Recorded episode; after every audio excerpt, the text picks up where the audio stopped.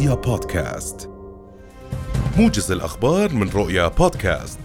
تتيح وزارة الاقتصاد الرقمي والريادة خدمة جديدة لاستخدامها عبر تطبيق سند الحكومي المخصص للخدمات الإلكترونية الرسمية ومنها إمكانية إصدار جواز سفر دون الحاجة لمراجعة دائرة الأحوال المدنية.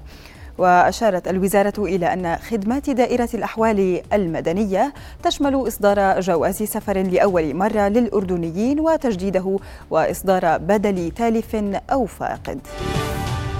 قال رئيس جمعية المستثمرين في قطاع الإسكان السابق كمال العواملة إن سوق العقار في الأردن شهدت تراجعا في الفترة الأخيرة مبينا أن الرفع المتتالي لأسعار الفائدة ساهم بهذا التراجع. وأضاف العواملة لرؤيا اليوم أنه لا بد من التفكير خارج الصندوق بحيث تكون هناك كلف أقل للقروض السكنية الموجهة لفئة الشباب نتيجة ارتفاع أسعار الفائدة. مطالبا بتخفيض رسوم نقل الملكية من 6% إلى مستويات أقل خصوصا في ظل بدء تعافي الأردن من تداعيات جائحة كورونا أحبطت القوات المسلحة الأردنية الجيش العربي على واجهتيها الشمالية والشرقية محاولة تسلل وتهريب كميات كبيرة من المواد المخدرة وكميات من الأسلحة والذخائر قادمة من الأراضي السورية إلى الأراضي الأردنية. وقال مصدر عسكري إنه تم رصد محاولة مجموعة من المهربين على الواجهتين الشمالية والشرقية اجتياز الحدود بطريقة غير مشروعة مشيرا إلى تحريك دوريات رد الفعل السريع وتطبيق قواعد الاشتباك والرماية المباشرة عليهم ما أدى إلى تراجع المهربين إلى داخل العمق السوري والعثور على كميات كبيرة من المخدرات وأسلحة وذخائر. اقتحم عشرات المستوطنين اليوم بقيادة الحاخام المتطرف وعضو الكنيست السابق يهودا جليك باحات المسجد الأقصى المبارك الحرم القدسي الشريف في مدينة القدس المحتلة.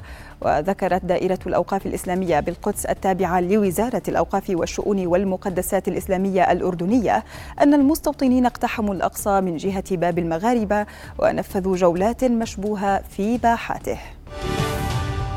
أعلنت وزارة الخارجية السورية أن دمشق تلقت باهتمام القرار العربي باستئناف مشاركة وفود الحكومة السورية في اجتماعات مجلس جامعة الدول العربية وجميع المنظمات والأجهزة التابعة لها مؤكدة أهمية الحوار والعمل المشترك لمواجهة التحديات التي تواجه الدول العربية.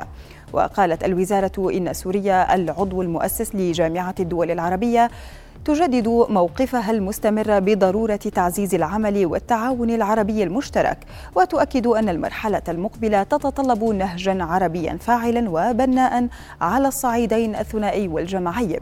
يستند إلى قاعدة الحوار والاحترام المتبادل والمصالح المشتركة للأمة العربية.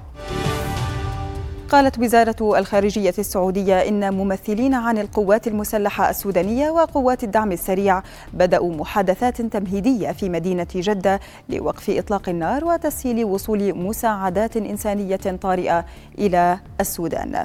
وأوضحت الخارجية السعودية في بيان أن المحادثات ستستمر خلال الأيام المقبلة على أمل الوصول إلى وقف فعال ومؤقت لإطلاق النار. ميدانيا استمرت الاشتباكات وسط العاصمة السودانية الخرطوم وسمعت أصوات أسلحة ثقيلة وخفيفة بشكل متقطع في محيط القصر الجمهوري. كما حلقت طائرات حربية في سماء العاصمة.